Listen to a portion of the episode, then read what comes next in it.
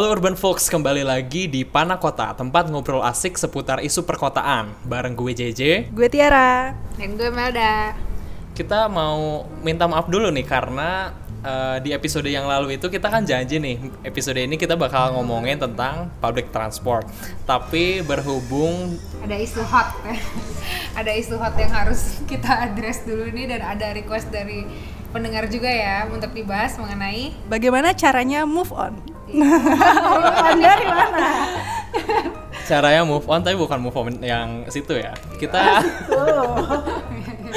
Gimana caranya move on dari Jakarta alias kita tuh kan lagi hot banget nih isu pemindahan ibu kota negara ya. Tapi sebelumnya kita pengen ngucapin makasih dulu nih karena ternyata channel kita sudah punya lebih dari 500 lebih listeners. Yeay. Jadi terima kasih teman-teman sudah uh, meluangkan waktunya untuk mendengarkan ocehan kita ya. Iya betul. Uh, dan juga sudah memberikan masukan termasuk tentang uh, isu kali ini. Iya. Gitu. Nah sekarang kita sudah punya narasumber yang sebenarnya agak bikin grogi ya. Siapakah dia Mel? Ya, yang pertama ada Dr. Hendrikus Andi Simarmata, biasa dipanggil Bang Andi ya. Iya, boleh, boleh. Ini uh, mengintimidasi sekali nih CV-nya. Beliau berprofesi sebagai urban planner selama kurang lebih dari uh, 13 tahun, staf pengajar peneliti senior pada program magister kajian pengembangan perkotaan di Universitas Indonesia Beliau juga pemegang sertifikat ahli utama dari LPJKN dan aktif sebagai anggota organisasi internasional seperti ISOCARP, IROF ya baca, yeah, yeah. dan RSA. Nah, beliau juga ini nih eh, tercatat aktif dalam Ikatan Ahli Perencana Indonesia dari 2007 dan menjabat sebagai sekretariat eh, sekretaris jenderal IAP dari 2016 sampai tahun ini. Nah, uh, beliau lulus di Teknik Teknologi ITB di tahun 2001. Tahunnya disebut aja. Kelihatan ya. Dan lulus master UI ya, eh, pengembangan hmm. perkotaan. Predikatnya cum laude juga. beliau juga menyelesaikan pendidikan jenjang S3 di Fakultas Filsafat Universitas Bonn, Bonn, Bonn, Bonn ya. Jerman. Predikatnya makna cum laude. Wow. Oh. Gimana oh, dari kita mana ini? ya narasumber kita yang kedua ini nggak kalah suhunya juga. Uh, beliau adalah Dr. Deden Rukmana. Saat ini menjabat sebagai profesor and chairperson dari Department of Community and Regional Planning di Alabama A&M University. Jadi sebenarnya beliau itu sekarang berdomisilinya di, di US. US gitu dan akan bergabung dengan kita melalui Skype call. Yep. Nah, sebelumnya juga beliau menjabat sebagai profesor dan koordinator di program Magister Urban Studies and Planning di uh, Savannah State University. Lalu aktif di berbagai asosiasi perencanaan, khususnya di Amerika Serikat, kayak American Planning Association. Dan juga beliau itu menjabat sebagai chairman dari International Indonesian Scholars Association. Uh, publikasi beliau mungkin kalau untuk orang-orang di dunia perencanaan ini udah nggak asing lagi ya publikasi beliau banyak sekali mau jurnal atau publikasi di media massa nasional dan internasional bahkan blognya jadi ini juga blognya sering banget gue baca waktu kuliah ya. Disitasi ya buat tugas kuliah. Makasih ya pak. Nah blognya bernama Indonesian Urban Studies uh, dinilai sebagai salah satu blog terbaik dunia dari The Guardian Cities. Okay. luar biasa sekali oke okay. Ya, langsung Gimana aja kita uh, masuk ke topik kali ya. Kan ini tuh lagi hits banget nih uh, isu pemindahan ibu kota. Nah, ini awal mulanya itu dari akhir April kemarin nih Presiden Jokowi menggelar rapat terbatas tentang pemindahan ibu kota. Nah, sejak saat itu isu ini tuh makin berkembang dan uh, udah gitu di uh, belasan Mei kemarin sekitar minggu lalu di Bapernas itu ada diskusi nasional uh, ibu kota negara yang mengundang uh, tokoh-tokoh planning, arsitek sama uh, kebencanaan juga dan itu uh, seru banget banyak yang bisa dibahas dari situ. Bang Andi, hmm. uh, gimana nih Bang menurut Abang uh, isu dari pemindahan ibu kota ini apakah ini sesuai dengan uh, kondisi yang sekarang? Apakah ini udah urgent atau bagaimana pendapatnya? Ya. Baik, makasih uh, Rizky. Jadi uh, sebenarnya isu pemindahan ibu kota ini kan udah terlalu lama ya. Bahkan menurut saya hidup apa hidup mati hidup mati isu. Dari sejak Pak Presiden Soekarno, lalu kemudian sekarang kembali lagi dihidupkan oleh Presiden Jokowi. Nah, namun yang agak beda dari sini adalah uh, reasonnya ya. Jadi push faktornya lah. Kalau kita mau pindah kan pasti juga harus ada dorongan apa yang mem membuat kita pindah. Pertama itu kondisi ketimpangan wilayah ya. Itu sama dengan paparan Pak Menteri bahwa kawasan timur Indonesia itu tengah itu masih terlalu jauh uh, pertumbuhan ekonominya dibandingkan dengan kawasan uh, barat dan terutama Pulau Jawa dan Sumatera. Tetapi memang mindah ibu kota itu tidak serta merta menumbuhkan ekonomi wilayah ya. Jadi itu tidak belum ada tesis yang uh, menyatakan demikian. Yang memang harus di-create adalah pusat-pusat pertumbuhan wilayah. Nah, dalam paparan Pak Menteri itu juga sebenarnya sudah jelas bahwa ibu kota negara itu pindahnya bukan untuk satu-satunya solusi untuk pemerataan pembangunan, tetapi harus dibarengi dengan uh, strategi yang lain. Salah satunya dengan pengembangan kawasan metropolitan area ya. Nah, jadi kembali kita ke sini, wacana ini kemudian menjadi lebih serius karena kedua kita lihat kondisi Jakarta yang semakin kualitas lingkungannya terdegradasi ya. Jadi toleransi kita terhadap waktu tempuh e, rumah ke tempat kerja, rumah ke sekolah itu semakin lama semakin uh, jauh dari yang disebut livable itu. Oh, Kalau yes. mungkin satu jam katanya kita dari itu udah biasa kan. Padahal mungkin bagi orang daerah masa iya pergi dari rumah ke kantor itu harus satu jam gitu ya. Nah ini yang bahkan ada yang lebih dari satu jam. Ada satu riset menarik itu di kesehatan masyarakat. Jadi kalau kita naik motor lebih dari satu jam itu dan dilakukan terus menerus tiap bulan, tiap tahun itu bisa bahaya ke pinggang katanya. Nah, oh, jadi ya karena kita ya. terlalu Nah, jadi sehingga kemudian ini uh, me, meng, seperti mengharuskan uh, Jakarta itu harus dibereskan. Tetapi apa ia memindahkan ibu kota membereskan Jakarta? Tentu tidak. Tetapi paling enggak fungsi-fungsi Jakarta bisa dikurangi sehingga bebannya itu tidak lagi seperti sekarang. Jadi memindahkan ibu kota itu pada tahun ini terutama pada era lima tahun terakhir dan nanti uh, lima tahun ke depan menemukan momentumnya dan untuk itulah kita uh, sebagai para perencana kota juga mensupport itu tetapi tentu saja perlu banyak uh, kontribusi dari disiplin ilmu yang lain agar bagaimana pemindahan ini juga dijadikan momentum untuk membangun satu harapan baru bahwa ruang kota Indonesia itu bisa lebih nyaman dan layak untuk ditinggali. Kira-kira itu uh, poinnya. Uh, kalau pemindahan ibu kota itu kan seakan-akan seperti memisahkan fungsi pemerin hmm. fungsi pemerintahan dan fungsi ekonomi atau bisnis gitu kan. Nah, uh, bukannya keduanya ini harusnya saling mendukung ya, Bang? Betul. Uh. Jadi kalau uh, banyak beberapa negara juga mengalami uh, apa proses pengkotaan yang tidak seperti rencananya ya. Jadi sep, uh, seperti kemudian New York dipisah dengan DC itu juga bagian dari salah satu bagaimana memisahkan. Jadi pemisahan fungsi ekonomi dan fungsi apa uh, pemerintahan itu lebih pada bagaimana kita mencoba menspesialisasikan kota itu. Jadi maksudnya gini, ruang Jakarta itu sudah terlalu penuh sehingga kemudian daya apa leverage-nya untuk menjadi pusat ekonomi uh, global itu terkendala karena kualitas lingkungan dan mobilitas di dalamnya yang sangat uh, tidak apa tidak uh, layak gitu ya. Sehingga kemudian ada satu cara yaitu memindahkan sebagian fungsinya. Dan fungsi pemerintahan itu yang paling mudah karena itu melibatkan uh, bisnis pemerintah. Daripada kita memindahkan swasta itu akan lebih lebih sulit.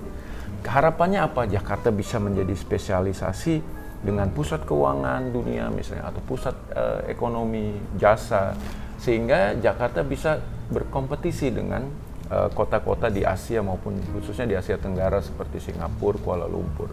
Jadi hampir hampir apa dipastikan Jakarta tidak akan mengalami perlambatan ekonomi, justru Jakarta akan mendapatkan uh, semacam nilai tambah ya karena berkurang ini berkurang tekanan populasinya, berkurang apa aktivitas yang di sekitar Medan Merdeka kemudian jadi nggak ada lagi dan berkurang sekitar kita yang sekarang di selatan karena hampir semua apa aktivitas parlemen nanti juga berkurang dari sini. Nah, kekurangan itu kemudian pasti akan memberikan market baru bagi pengembang, bagi dunia usaha untuk bisa mengisi itu. Dan itu yang kita harapkan sebenarnya apa terjadi. Walaupun ya beberapa pengamat bilang begini, loh kan kita udah gencar-gencaran nih bangun MRT, LRT, iya. no worries lah.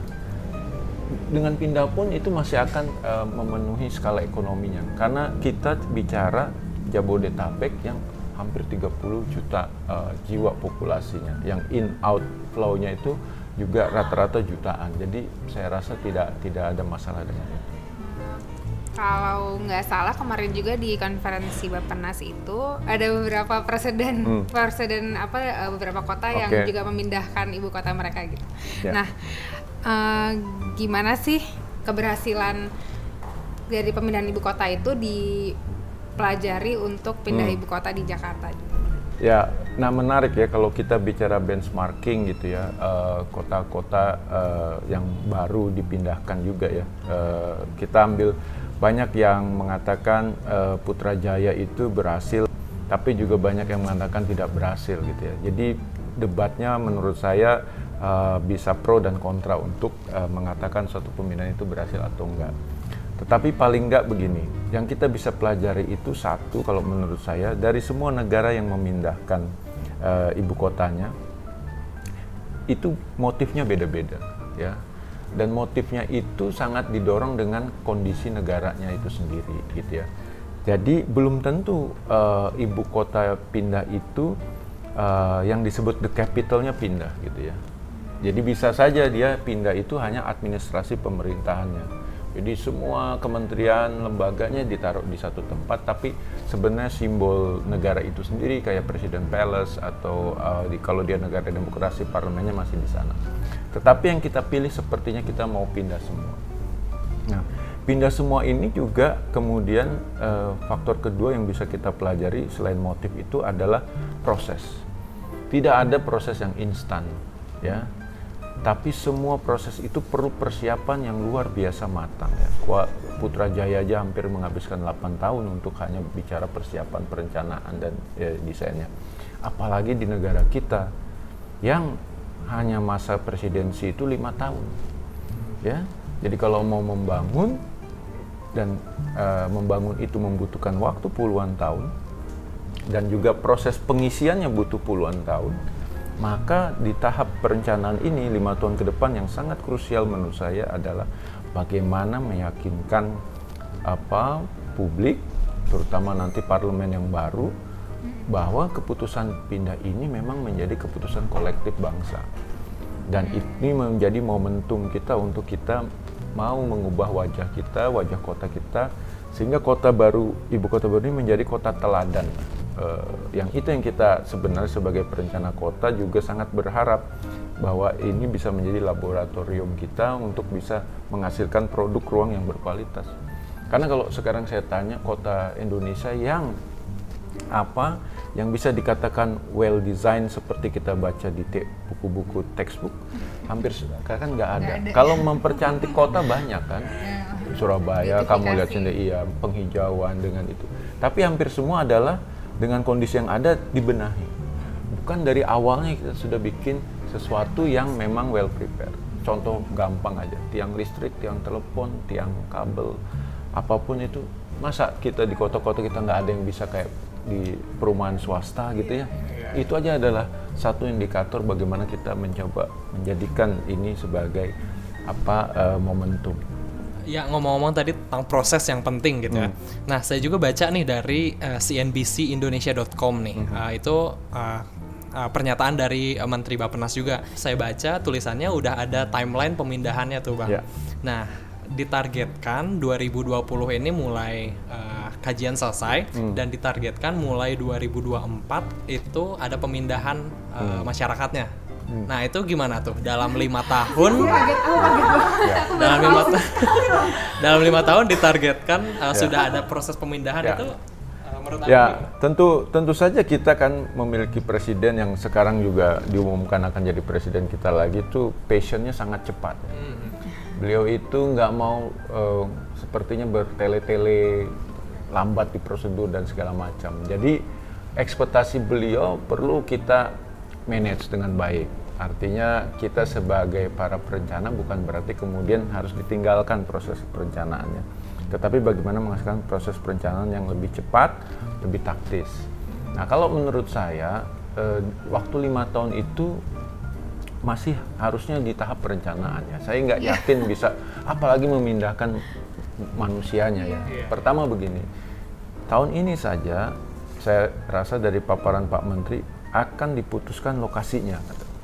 Berarti ada something yang belum settle di masalah lokasi. Walaupun Pak Presiden sudah mengunjungi Kalimantan Tengah dan Kalimantan Timur, tapi ini adalah keputusan politik. Kalau keputusan politik mau seperti apa pun uh, pertimbangan teknisnya belum tentu itu yang dipilih karena keputusan politik. politik. Ya. Tapi kita sebagai para profesional di bidang kita planologi ini perlu memberikan satu alternatif. Secara planologis tuh yang paling uh, suitable pak di sini, gitu. di sini dan di sini dengan segala kelebihan dan kekurangannya. Nah yang mungkin bisa kita tambahkan dari hasil kajian Bapenas kemarin adalah satu ya. Dalam pertimbangan memilih lokasi itu sebaiknya jangan uh, administrative boundary. Dia harus beyond dari situ. Jadi jangan Kalimantan Timur kah, Selatan kah, Tengah kah, Sulawesi Barat kah, jangan. Tapi di harus di dalam satu ecoregion. Nah, nanti baru dari sana kita bisa hasilkan seperti apa pertimbangannya. Nanti saya uh, uh, rumusannya hari Jumat mau kita masukkan juga dari IAP bagaimana sebenarnya memilih lokasi dari uh, perspektif kita. Nah, yang kedua yang menurut saya paling penting di pemilihan lokasi itu ya, yang bisa bisa menjadi catatan bersama. Ketika kayaknya ini mau ke Kaltim ya, kayaknya ya kalau dari saya lihat aura-aura waktu hari Kamis itu dan hari Jumat gitu ya. Karena Kalimantan Tengah itu kan gambut dan masih menyimpan potensi hot apa hot apa uh, hotspot untuk uh, karhut lah ya, uh, kebakaran hutan dan lahan.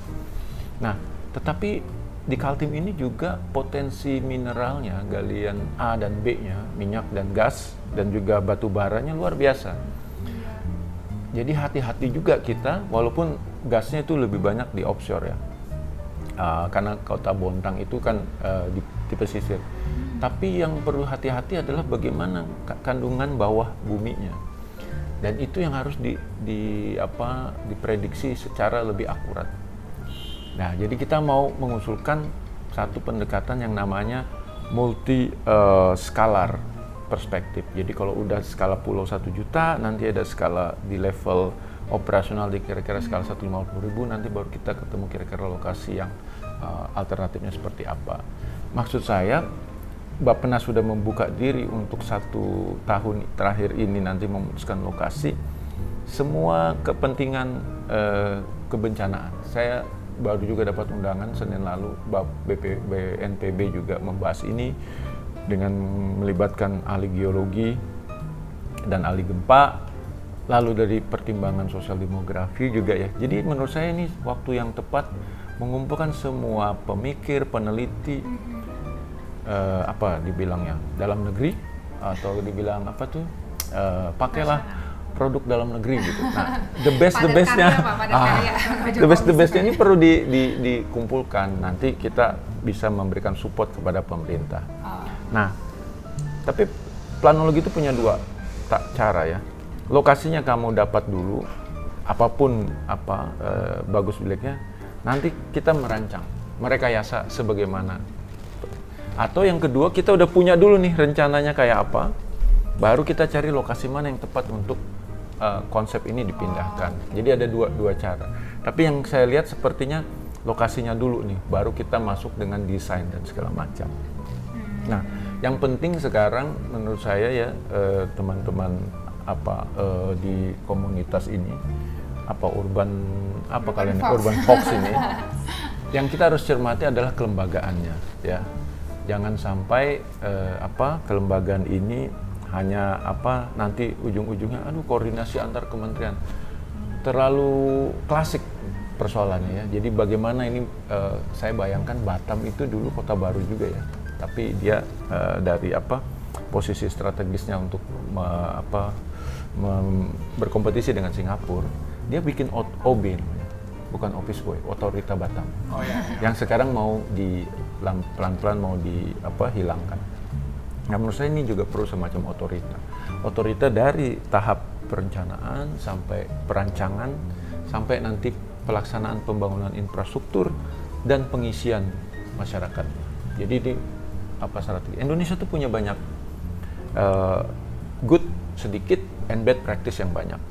Ya misalnya misalnya transmigran. Transmigrasi itu kan sudah punya mereka sistem bagaimana memindahkan uh, orang untuk bisa survive di dalam dua hektar tanahnya untuk di satu pulau Kalimantan atau pulau Sumatera. Itu kita punya case. Ambillah yang baiknya dari situ. Tinggalkan yang jeleknya kita juga punya contoh pemindahan ibu kota provinsi berdarah-darah ada yang sepi ada yang nggak hidup-hidup ambil yang baiknya, tinggalkan yang buruknya.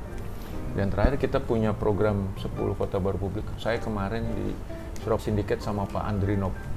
Jadi beliau kan yang canangan awal 10 sekarang jadi tiga.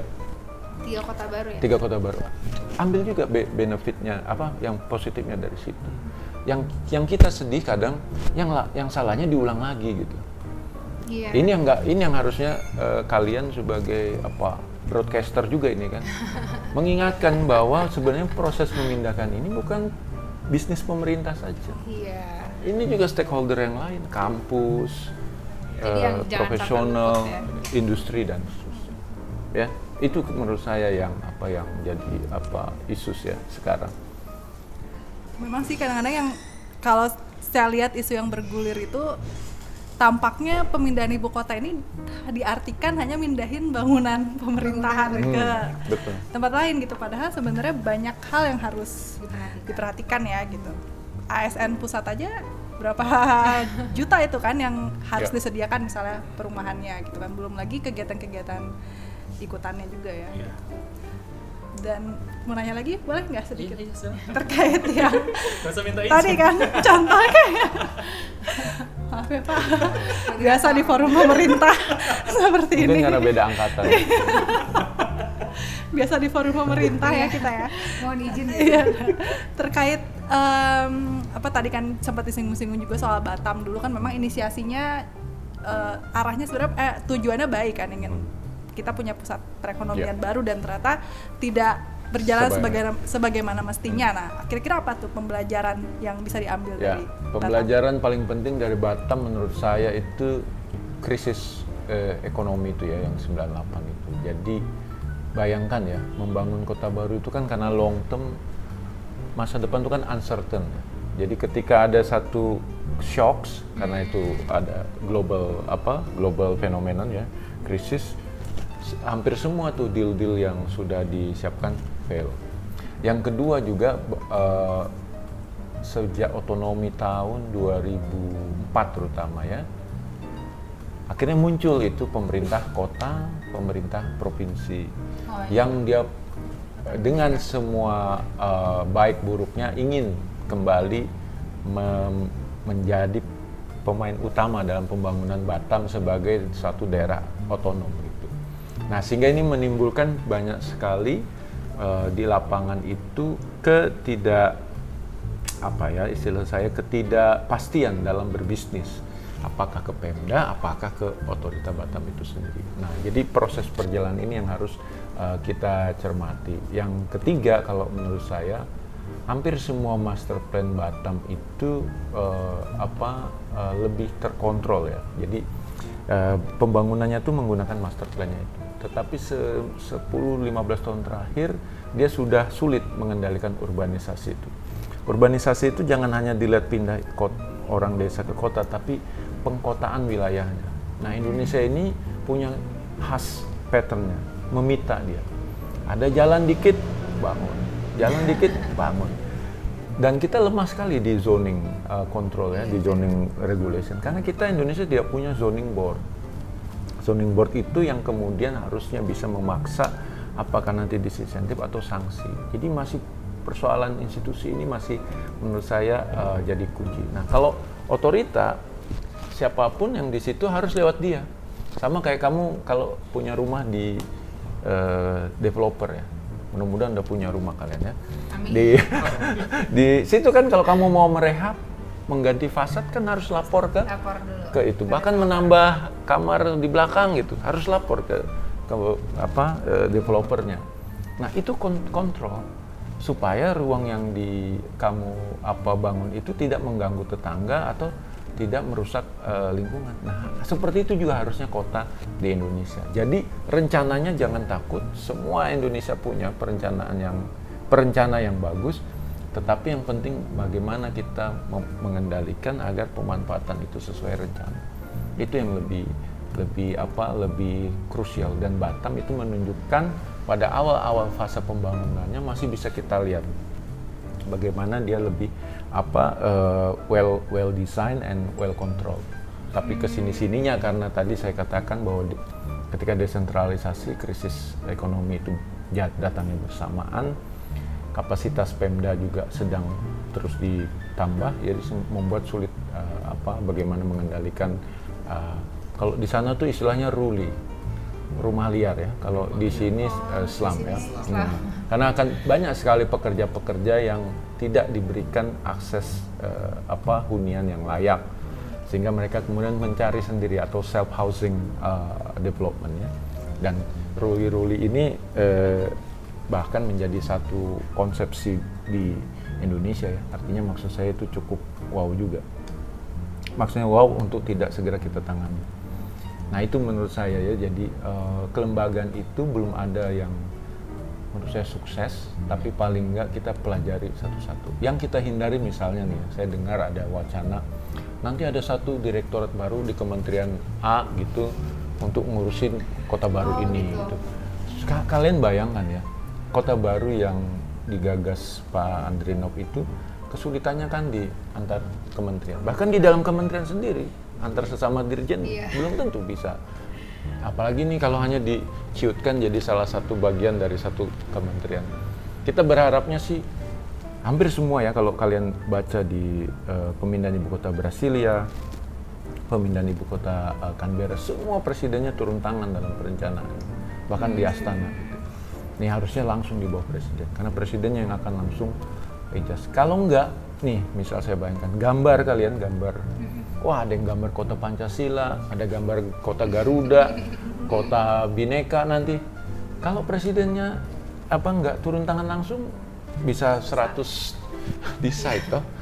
Nah ini makanya yang, yang penting menurut saya sekarang pemerintah harus berani memutuskan model kelembagaan apa yang paling penting. Dan menurut saya tahun inilah eh, kuncinya. Sehingga ke, dep- ke sananya perencanaan dan perancangannya akan lebih mudah.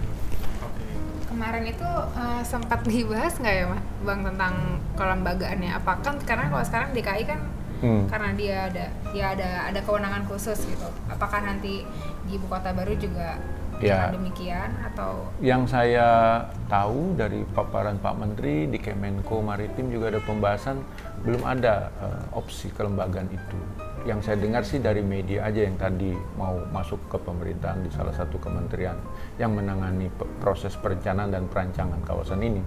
Tapi kalau eh, boleh kita berkontribusi di situ, lah itu kan bukan core bisnisnya planner gitu. Tapi planner yang tahu bagaimana sebenarnya perencanaan ini harus dikelola. Jadi perencanaannya aja harus dikelola, belum belum pemanfaatannya. Karena kamu kebayang kan tadi eh, Tiara bilang manusianya juga harus dipikirin dong. Bagaimana mindahinnya? Emang mindahin satu juta bisa kok langsung pesawat terbang? Rumahnya udah siap ya, satu juta datang ya. Pasti kan ada tahapan-tahapannya. Ya kita kalau kita main di bencana kita juga dari Huntara dulu baru ke Huntap. Bagaimana membangun apa istilahnya uh, ruh-ruh ya, place attachmentnya terhadap wilayah itu. Itu is, is not easy work dan it should uh, apa involve several disciplines ya, bukan hanya uh, planner ataupun polisi pemerintahan. Tapi saran kita memang kuat sekali karena kami IAP dan IAI dan IARKI terus mengadakan diskusi uh, profesional. Uh, kita mau mencoba mengusulkan agar ada satu kelembagaan sendiri untuk mengurusi ini langsung di bawah presiden karena itu menurut kami yang paling uh, paling efektif selama memang ini serius ya.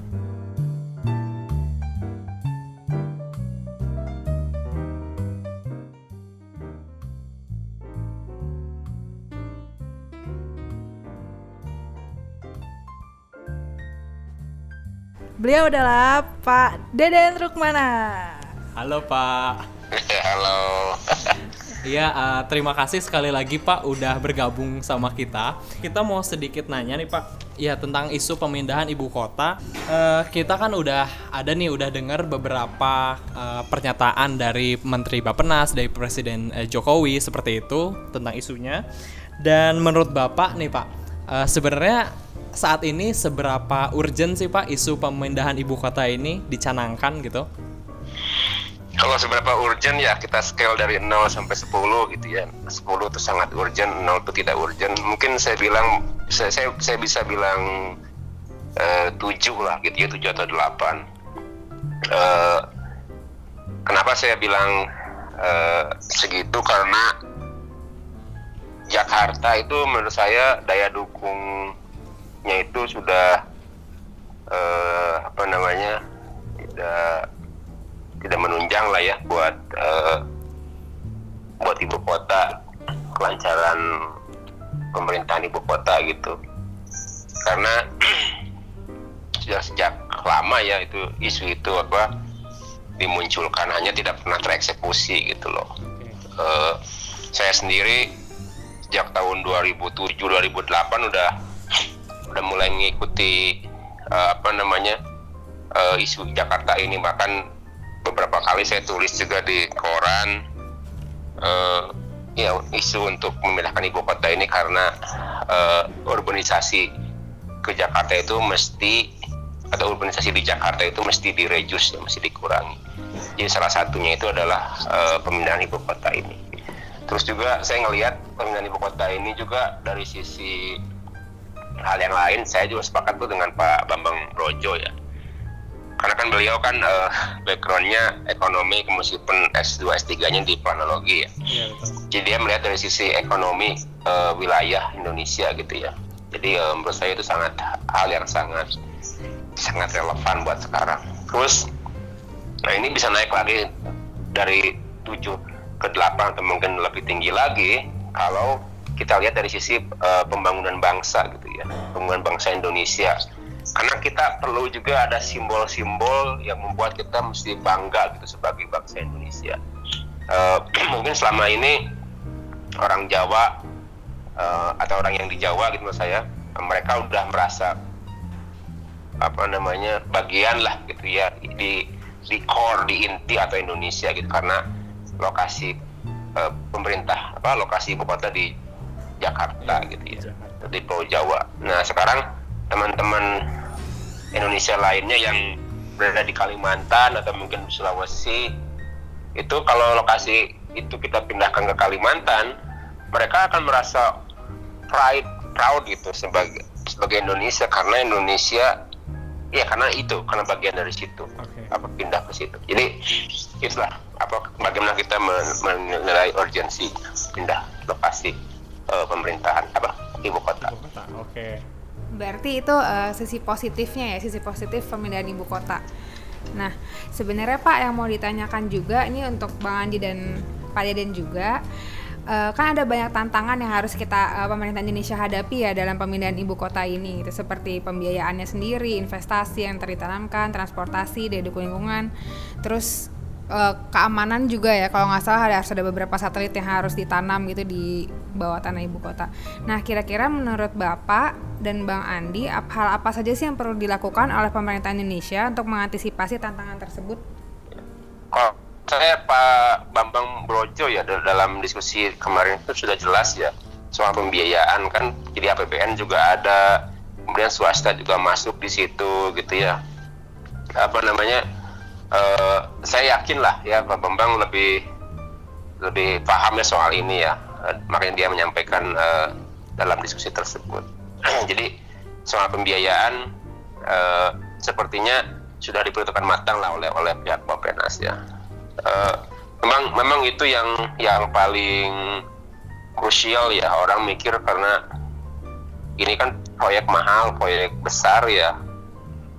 Satu itu. Kemudian kedua juga dari sisi kontinuitas politik ya makanya betul ini urusan pemindahan ibu kota ini juga mesti didapat dukungan uh, dari sisi uh, apa perundang-undangan ya Jadi katanya sih ada apa 9 atau 11 undang-undang yang mesti dirubah juga ya bukan hanya undang-undang ibu kota gitu. Nah ini juga perlu dukungan ya perlu dukungan politik dari dari semua. Kalau ini gimana Pak? Uh, kan Pulau Kalimantan itu uh, kawasan lindungnya luas tuh Pak dan kemudian uh, Pulau Kalimantan juga jadi paru-paru dunia nih tentang uh, bagaimana vegetasi harus dijaga seperti itu. Nah, menurut Bapak yeah. dengan adanya pemindahan uh, ibu kota ke Pulau Kalimantan mungkin ya uh, itu bagaimana Pak? Apakah itu akan mengancam kondisi Kalimantan sebagai kawasan lindung mayoritas gitu? Hmm. Coba sekarang kalau kita kemarin dengar baik-baik ya, saya nggak ngikutin acara secara langsung tapi saya ikutin YouTube-nya kan pelan-pelan ya. Saya saya juga kaget ya kok orang nggak banyak ngomongin bahwa di Bukit Soeharto itu sekarang terjadi konversi lahan yang semula disebutnya lahan itu kawasan lindung kan hutan lindung yeah. tapi sekarang itu lokasi yang disebut oleh Pak Bambang itu lokasinya sudah berubah jadi kebun sawit. kelapa sawit ya kelapa sawit. Nah itu kenapa sih orang nggak nggak ngomong besar di situ? Itu kan udah kelihatan kan? Meskipun sekarang itu belum ibu kota tapi konversi itu udah ada gitu loh. Oke. Okay. gitu kan?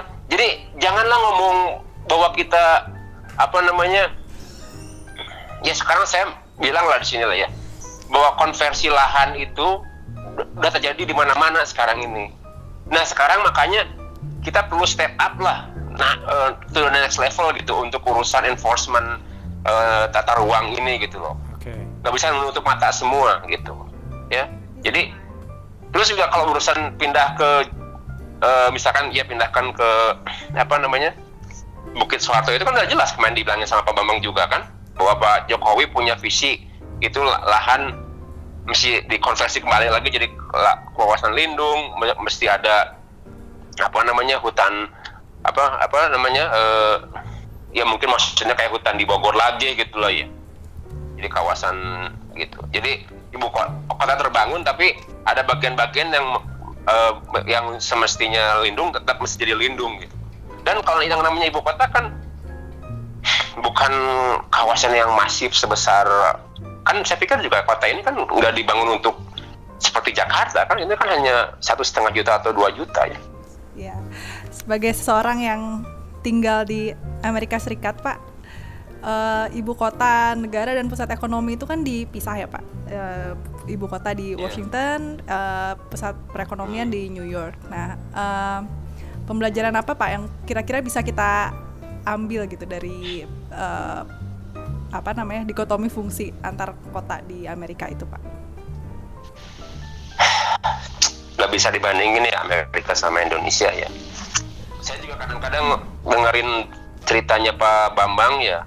Saya pikir Pak Pak Bambang apa namanya uh, uh, meskipun nggak disebutkan secara jelas ya tapi kan terlihat bahwa dia tuh merefer kepada Washington DC ya bahwa ada National Mall ada ini ada itu gitu ya. Uh, ya bagus lah kita merefer sama Indonesia sama sama Amerika ya. Nggak nggak nggak ada salahnya gitu ya. Meskipun di, di bagian akhir juga Pak Bambang hati-hati sekali dia bilang dia juga ngelihat apa yang terjadi di di mana di uh, Kazakhstan kan sama di uh, nah Enggak, saya sebelum lari ke jawaban apa pertanyaan tadi saya saya ingin ini penting buat saya tuh. Jadi buat saya tuh kalau kita bikin kalau kita ingin bikin kota ya di Indonesia ibu kota baru itu itu ibu kota baru yang Indonesia gitu loh. Yeah. Kita nggak nggak perlu nyontohin apa yang terjadi di Amerika, nggak perlu nyontohin apa yang terjadi di Eropa, di Paris, di di London. Enggak, kita mesti bikin itu kota Indonesia yang kita sebagai orang Indonesia bakal bangga gitu loh. Makanya saya tuh ngelihat ya uh, Bung Karno itu tahun 2000, tahun 1957 ya. Beliau itu visioner sekali loh. Mikirin pindahin ibu kota ke ke Palangkaraya. Kan karena gagal kan, makanya Bung Karno bangun Jakarta kan? Itu Jakarta juga Bung Karno bikin itu luar biasa loh untuk zaman dulu itu. Beliau bikin Monas bikin tugu-tugu bikin semua semua yang dibangun oleh zaman beliau itu. Luar biasa itu. Jadi makanya uh, apa namanya sekarang ya kita ingin menghidupkan kembali idenya Bung Karno itu untuk memindahkan ke Kalimantan itu itu apa namanya uh, mencoba eksekusi menurut saya itu highly visioner gitu loh. Visionary uh, uh, ini. Dari seorang uh, leader seperti Bung Karno gitu. Itu yang itu yang lebih penting. Nah terus balik lagi kenapa saya bilang nggak bisa bandingin Amerika sama uh, Indonesia? Kalau di Amerika ya coba saya tanya deh di mana sih headquarters Bank of America? Di mana nah, tuh Pak? Di mana? Tuh kan? Bukan bukan New York, bukan New York, bukan apa. Itu adanya di North Carolina. Di Charlotte. Jadi di Amerika itu headquarters banyak big company 500 uh, apa namanya uh, ya top companies itu Forbes ya apa bukan uh, Fortune ya 500 Fortune itu banyak itu nggak semua ada di New York nggak semua ada di Los Angeles ya di banyak di negara-negara bagian gitu loh. Nah jadi makanya saya bilang nggak bisa dibandingin karena begitu. Karena semua uh, bukan semua. Top top companies di Amerika itu nggak semua mengelompok mengerucut di New York gitu loh. Nyebar di mana-mana hanya memang kalau kita lihat ya kalau kita ingin memisahkan antara pusat pemerintahan pusat ekonomi ya eh, kalau saya sih ya menurut saya yang paling dekat lah ya kalau ini kita bandingin lah jangan Amerika lah ya. Karena beda ininya beda beda beda makhluknya gitu ya beda jenisnya. Kalau ingin mau beda deketin lah. Meskipun sekali sih disebut sama Pak sama Pak Bambang ya. Itu dengan Lagos itu dengan Lagos Abuja. Saya ngobrol dengan teman orang orang Nigeria. Orang-orang teman apa karena ya Nigeria ya Nigeria. Ya karena kebetulan uh, apa namanya uh, salah satu kayak saya kan departemen chair ya di sini ya di Alabama dan salah satu faculty saya itu bu dia dari asalnya dari Nigeria ya. Gitu. Saya tanya dia langsung tentang tentang Nigeria pindah dari Lagos ke Abuja. Nah itu paling itu yang menurut saya paling dekat dengan Indonesia itu di situ tuh. Ya karena apa? Karena karena uh, uh, Lagos itu kan pusat ekonomi, ya. Lagos sekarang tetap Lagos seperti yang dulu, mm-hmm. ya. Ya, hanya kan Lagos itu di coastal city kayak Jakarta lagi kan. Coastal city ruang untuk mengembangkan ibu kota juga nggak apa kawatan nggak banyak gitu karena memang like, like apa uh, coastal city kan crowded sekali gitu loh. Nah terus dia pengen bangun ibu kota baru kan ya mereka ingin kan ibu kota baru di Abuja. Tahu kan lokasi Abuja di mana? Di mana? Di inland kan? Yeah, yeah. Masuk lagi kan? Nah tadi itu dan itu di utara kan gitu loh. Nah itu ada membuat kebanggaan merasa apa warga negara Nigeria bagian utara merasa ya merasa bagian dari negara sekarang karena ibu kotanya di situ gitu. Nah, jadi menurut saya yang paling dekat kalau bandingin jangan benchmark ke Amerika lah karena beda ya bandingin nah, kayak jeruk sama bukan jeruk sama apel lah jauh. Tapi itu menarik beda, ya. Beda jenisnya. Lagu sama Abuja itu Pak. Ternyata setelah pemindahan ibu kota membuat masyarakat lebih merasa terkoneksi ya dengan negara gitu ya. Karena sempat yeah, ada kekhawatiran juga nih uh, apa kami kemarin sempat dengar juga ada kekhawatiran bahwa orang-orang yang nanti dipindahkan ke ibu kota baru ini yang belum tahu lokasinya akan merasa terdiskoneksi gitu dengan negara gitu kan. Tapi ternyata ada kasus yang menarik juga ya di yeah, kasus uh, lagu Stand Abuja ini. Enggak ya bisa betul itu betul. Tapi itu enggak enggak enggak itu bisa diatasin ya. Dan nggak nggak. Kan tadi juga waktu kemarin di saya juga belajar banyak dari kemarin diskusi dengan dengan apa Bapenas itu ya. Kan di, di Indonesia sendiri kan banyak kan kasusnya. Apa ibu kota kabupaten baru ibu kota provinsi baru yang yang sepi gitu ya. Iya. tapi lama-lama kan itu ibu kota itu jadi jadi bangkit juga. Nah Indonesia mesti belajar dari situ. Nggak perlu lah kita belajar dari maksudnya perlu juga belajar dari luar ya. Tapi case studies di Indonesia itu yang menurut saya lebih penting untuk di di di, di apa dipelajari. Terus juga pernah ngikutin juga itu apa uh, proses Brasilia. Brasilia juga kan awal awalnya kan kayak kayak gitu. Di awal awalnya itu uh, dead city gitu loh. Terus juga sekarang uh, uh, Myanmar kan gitu kan. Ibu kotanya sebelum saya belum saya, saya belum pernah ke sana jadi saya baca baca dan dengar kan itu gedung-gedungnya megah-megah tapi orangnya kan nggak banyak begitu nggak ini. Jadi makanya proses pemindahan ini juga mesti mesti apa ya mesti sama di mesti di oversee sama orang yang ngerti gitu loh. Nggak hanya mindahin orang tapi gimana proses pemindahinnya waktu mindahin orang juga apa aja yang mesti dipindahin nggak hanya orangnya tapi semua ya banyak lah ya. Ini mau nanya lagi nih ke bang Andi gimana sih kalau nanti misalnya kita pindah ibu kota, strategi untuk pengadaan tanahnya itu gimana bang? Ya, ya jadi uh, pemerintah memang salah satu kriteria lokasi yang mereka ambil itu adalah tanah negara gitu ya. Jadi meminimalisir pembelian tanah sebenarnya. Dan memang dari beberapa wacana yang sudah disampaikan itu sebenarnya banyak kan nanti tanahnya HGU yang mungkin sudah mau nggak aktif atau nanti bisa diputuskan uh, masa konsesinya. Jadi saya pikir pemerintah punya power untuk itu. Dan yang menarik sebenarnya tadi yang waktu Kang Deden juga uh, cerita masalah uh, land use control ya. Jadi sebenarnya Kalimantan itu itu salah satu menurut saya Kang yang representasinya Indonesia karena di situ ada orang hutan, di situ ada Heart of Borneo, di situ paru-paru dunia gitu ya. Jadi itu juga menunjukkan, oh ya, dan juga dilintasi oleh garis ekuator ya. Jadi di situ sebenarnya menunjukkan bahwa eh, kota ini, ibu kota negara ini bisa menjadi salah satu momentum penting bagaimana Indonesia dalam pembangunan perkotaannya juga memperhatikan keberlanjutan lingkungan, kelestarian biodiversitas, bahkan juga sudah siap dengan uh, future risk dari climate change maupun disaster uh, kayak kebakaran hutan. Nah, sekarang tinggal bagaimana semua itu dielaborasi dalam satu proses yang tadi sudah kontinuitasnya panjang dan juga harus melibatkan para profesional di bidangnya. Yang sementara ini yang kita tangkap tadi Kang Deden juga menyebutkan belajarlah dari pemindahan ibu kota kabupaten, ibu kota provinsi terlalu government dependence gitu. Terlalu apa masyarakat menyerahkan sepenuhnya kepada pemerintah dan pemerintah kemudian menunjuk atau memilih konsultan-konsultan uh, atau kontraktor-kontraktor sehingga prosesnya seperti proses uh, apa yang kita lihat sekarang.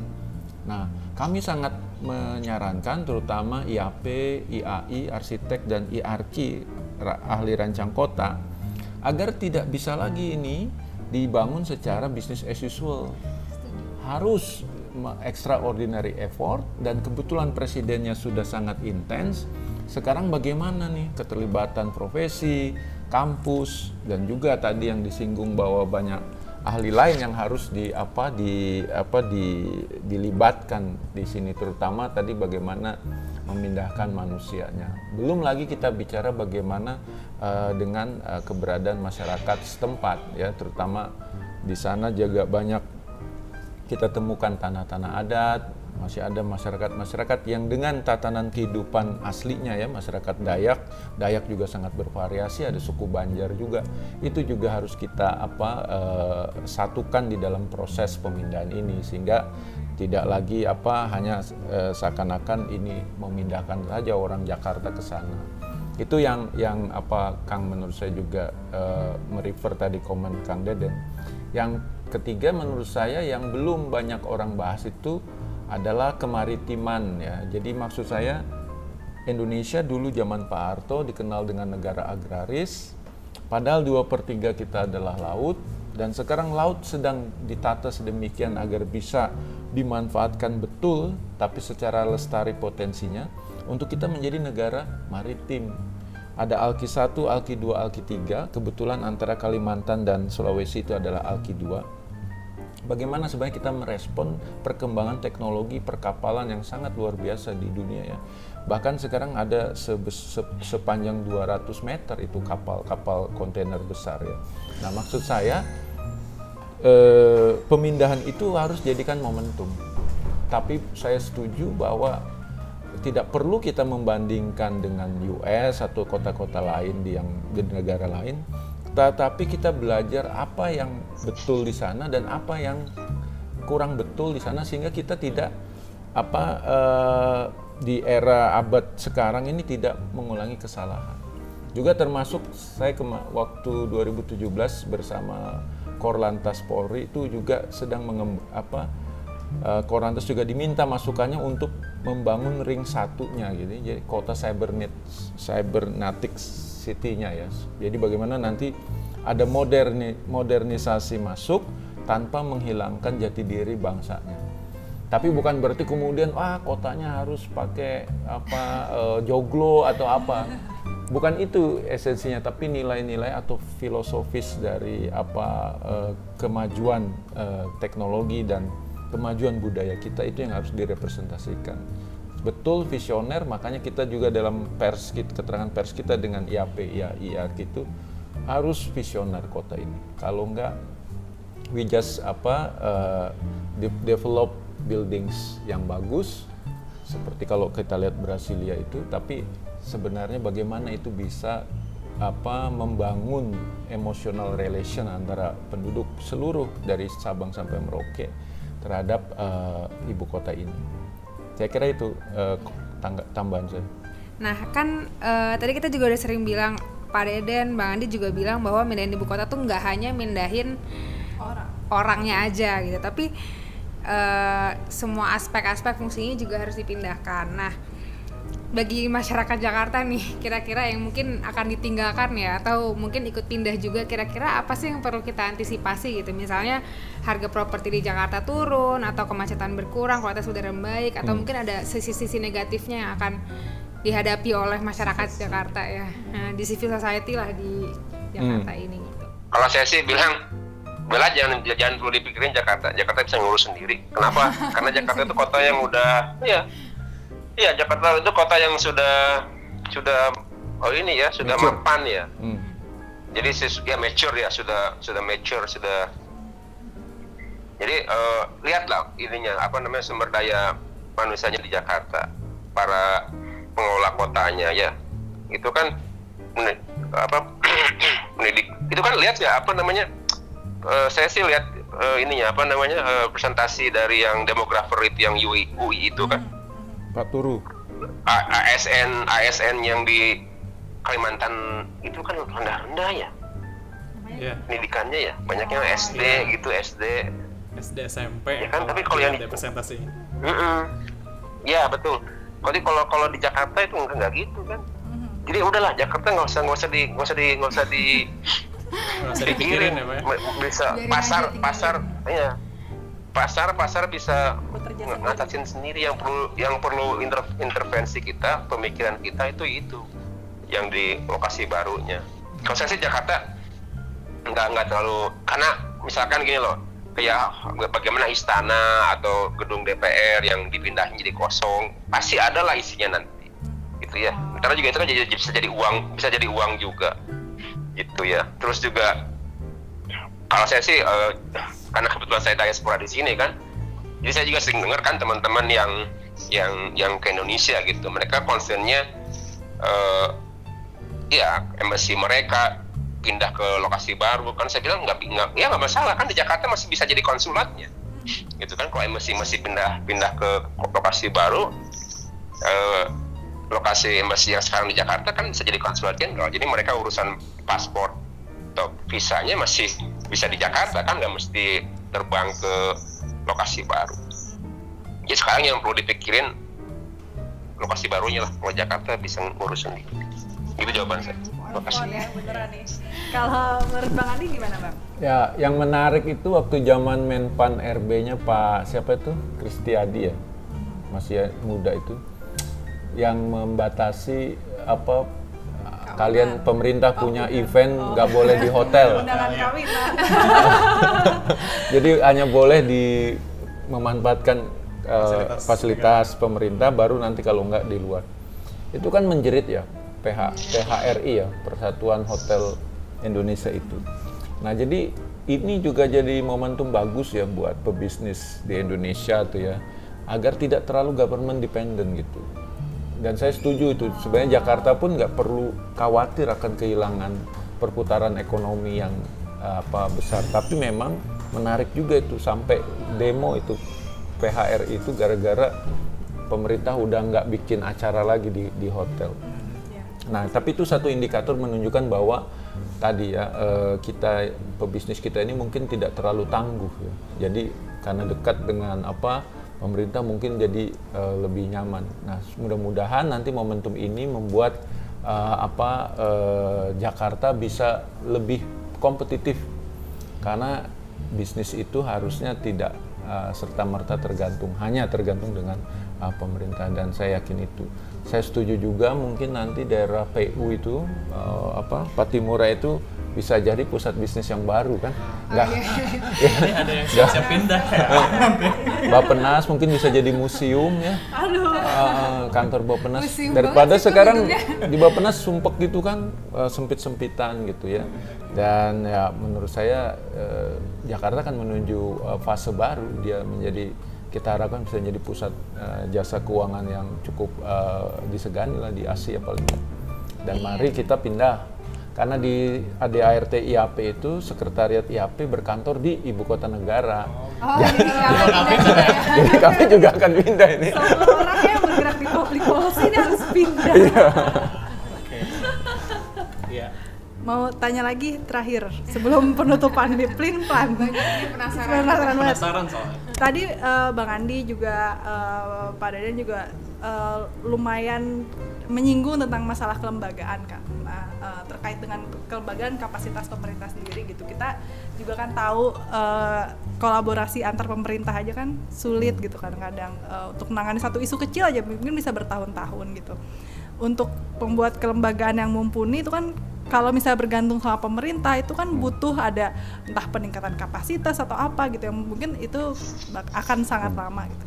Kira-kira apa yang bisa menjadi booster agar kelembagaan ini bisa cepat settle gitu? Apakah dengan misalnya melibatkan peran swasta misalnya atau kelembagaan seperti apa yang direkomendasikan kira-kira? Jawaban saya sih ko- koordinasi ya. Ini koordinasi memang barang barang sulit di Indonesia ya. Eh, kita belajar dari dulu dari zamannya Jabot apa BKSP Jabotabek dari dulu kan disebut-sebut ya. Dari dulu dari dengung-dengung tapi sampai sekarang kita sering dengar kan urusan koordinasi membangun Jabotabek kan kayak kayak gitu aja gitu. ya. Jadi koordinasi memang yang yang susah ya. Jadi eh, jadi balik lagi ke pertanyaan itu, apa pun bagaimanapun lembaganya ya, ataupun bagaimanapun kita bentuk sistemnya ya, tapi kalau koordinasi itu tidak tidak ada ya susah gitu ya. Jadi kalau menurut saya sekarang kita mesti libatkan semua stakeholders ya di sini. Jadi pemerintah pusat, pemerintah daerah, kemudian swasta, swasta juga semua kan perbankannya atau semua player-playernya, terus developersnya juga. Kemarin juga diundangkan dari Ray kan. Nah, kemudian ada satu eh, apa namanya boleh dibilang leadernya gitu loh buat buat mimpin itu gitu loh yang bisa yang bisa eh, mengkoordinasikan gitu yang punya yang punya otoritas juga gitu loh untuk ngatur semua itu gitu. Nah jadi apa namanya ya ya mungkin karena saya kebetulan ini ya kebetulan sekarang jadi administrator di di apa di di perguruan tinggi ya. Kan saya jadi belajar nih untuk untuk untuk ngurus sesuatu kalau kita punya ide kemudian ide itu kan kita ingin eksekusi ya. Nah itu kan mesti ada doernya kan pelakunya ya. Nah, pelaku pelaku itu kan eh, apa nggak mesti hanya tergantung sama satu orang satu stakeholder. Ini mesti terkait dengan yang lain-lain kan gitu. Nah si doernya ini, si leadernya ini mesti bisa meng, apa mengajak atau meyakinkan atau memastikan bahwa semua bagian komponen itu bisa berjalan bersama gitu. Nah, itu yang diperluin gitu. Jadi si koordinasi tapi juga si leader sistemnya si, si pemimpinnya ini yang bisa ngajak gitu, yang bisa mastiin bahwa semua orang itu bakal on the same line gitu, on, on the same on the same page. Gitu. Nah ini yang yang yang saya pikir paling paling krusial ya. Jangan-jangan betul nih harus memang harus dipimpin presiden langsung ya Bang Andi ya? Ya, jadi booster pertama adalah regulatory frameworknya di set up ya. Dan menurut saya itu harus melibatkan parlemen yang baru nanti harus segera dalam mungkin Oktober nanti presiden uh, akan segera menetapkan undang-undangnya. Syukur-syukur nanti waktu pengumuman kabinet juga disinggung bahwa siapa yang akan in charge di dalam proses transisi ini, terutama uh, bagaimana mengawal persiapannya. Dan kita juga mendorong paling penting preparation programnya ini nih, karena preparation ini mungkin ada di era beliau beliau lima tahun ke depan. Jadi preparation ini harus beliau apa pastikan delivery delivery sistemnya itu worker working ya. Karena menurut saya problem Indonesia itu di delivery sistemnya nah dengan power yang ada di beliau dengan uh, dukungan semua kompetensi profesi yang ada di Indonesia dan kenapa enggak kita misalnya bikin sayembara mengundang semua uh, apa uh, pakar internasional untuk urut rembuk tetapi tetap kita yang pegang kendali Indonesia yang pegang kendali dan kebetulan IAP juga punya acara Kongres Perencana Kota Sedunia nanti September nanti. Dan para calon yang daftar itu uh, sudah menanyakan apakah kita bisa ikut bahas tentang pemindahan ibu kota? Itu juga menjadi salah satu animo ya bahwa Indonesia itu mulai dilirik atau bahkan sudah dilirik oleh berbagai praktisi uh, perencana perancang kota dunia bagaimana mereka bisa ikut terlibat dan kita sebagai gadis yang cantik lah ya itu harus bisa memainkan perannya. Jangan mau langsung mau ke sana langsung mau ke sini ditarik sana ditarik yeah. sini. Kita harus punya visi yang jelas dulu yeah. kebangsaan yang jelas. Tadi jati diri kotanya baru kita bisa mengundang siapa pun the best in the world. Ada Kang Deden di Amerika ada teman kita di Singapura misalnya. Itu kita libatkan. Saya rasa itu ya yang paling penting. Hmm. Iya, makasih banyak untuk Bang Andi dan Pak Deden yang udah meluangkan waktunya memberikan uh, sharing, insight dan inspirasi untuk uh, isu pemindahan ibu kota ini. Dan sekarang kita mau wrap up kali ya yang terakhir uh, dari diskusi yang udah kita dengerin bareng-bareng nih uh, menurut gue uh, pemindahan ibu kota itu merupakan inisiasi yang baik ya karena uh, akan mengurai kepadatan yang udah ada di Jakarta nih pertama. Kemudian ada juga alasan uh, motivasi pemerataan ekonomi di daerah tengah dan timur Indonesia. Kemudian yang paling penting juga dengan adanya pemindahan ibu kota itu akan meningkatkan sense of belonging dari warga-warga khususnya Kalimantan, daerah tengah, mungkin timur juga terhadap Indonesia gitu ya. Banyak ya nilai positifnya ya. Iya, terus iya. terus kalau dari Melda kira-kira ada apa nih? Jadi tadi yang ditangkap itu yang paling penting juga adalah proses yang direncanakan dengan baik. Jadi jangan sampai pemindahan ibu kota ini uh, terburu-buru ya. Jadi harus ada proses yang matang juga. Dan juga perlu melibatkan banyak ahli juga ya tadi ya dari nggak dari perencana aja, dari arsitek, dari rancang kota, mungkin geologi juga ya, Bang Andi. Terus uh, perencanaannya ini juga harus visioner atau meli, uh, meli, melihat pada jangka yang sangat panjang. Juga terakhir itu adalah aspek pertanahannya yang juga perlu dikontrol karena belum ada otoritas yang jelas mengenai izin tanah ini ya, alih fungsi guna lahan dan semacamnya. Dan itu semua akan terwujud jika punya kelembagaan yang baik dan ini sebenarnya agak bukan agak sih adalah satu barang yang agak mahal ya di Indonesia ya. Uh, untuk mewujudkan itu kita berarti semua pihak gitu mau pemerintah mau uh, pemerintah dengan pihak yang lain juga harus memperkuat koordinasi terutama dalam membagi peran siapa melakukan apa siapa yang in charge di bagian apa lalu juga tidak lupa adalah setup peraturan dan regulasi gitu karena banyak peraturan dan regulasi yang harus di adjust atau diubah gitu kan dan juga penegakannya akan seperti apa Ya, Urban Fox, uh, sekian diskusi tentang pemindahan ibu kota dari kita. makasih banyak kita ucapin sebanyak-banyaknya untuk Bang Andi dan Pak Deden yang jauh-jauh udah tersambung dari US ya Pak. Dan terima kasih, senang sekali. Iya Pak. Makasih juga Panah Kota, sukses terus. Makasih, amin, amin, amin. Jangan lupa uh, kita tunggu kritik dan sarannya di Twitter kita @panakota underscore ID dan email di panakota.id at gmail.com. Terima kasih, sampai ketemu di episode selanjutnya. Bye-bye. Bye.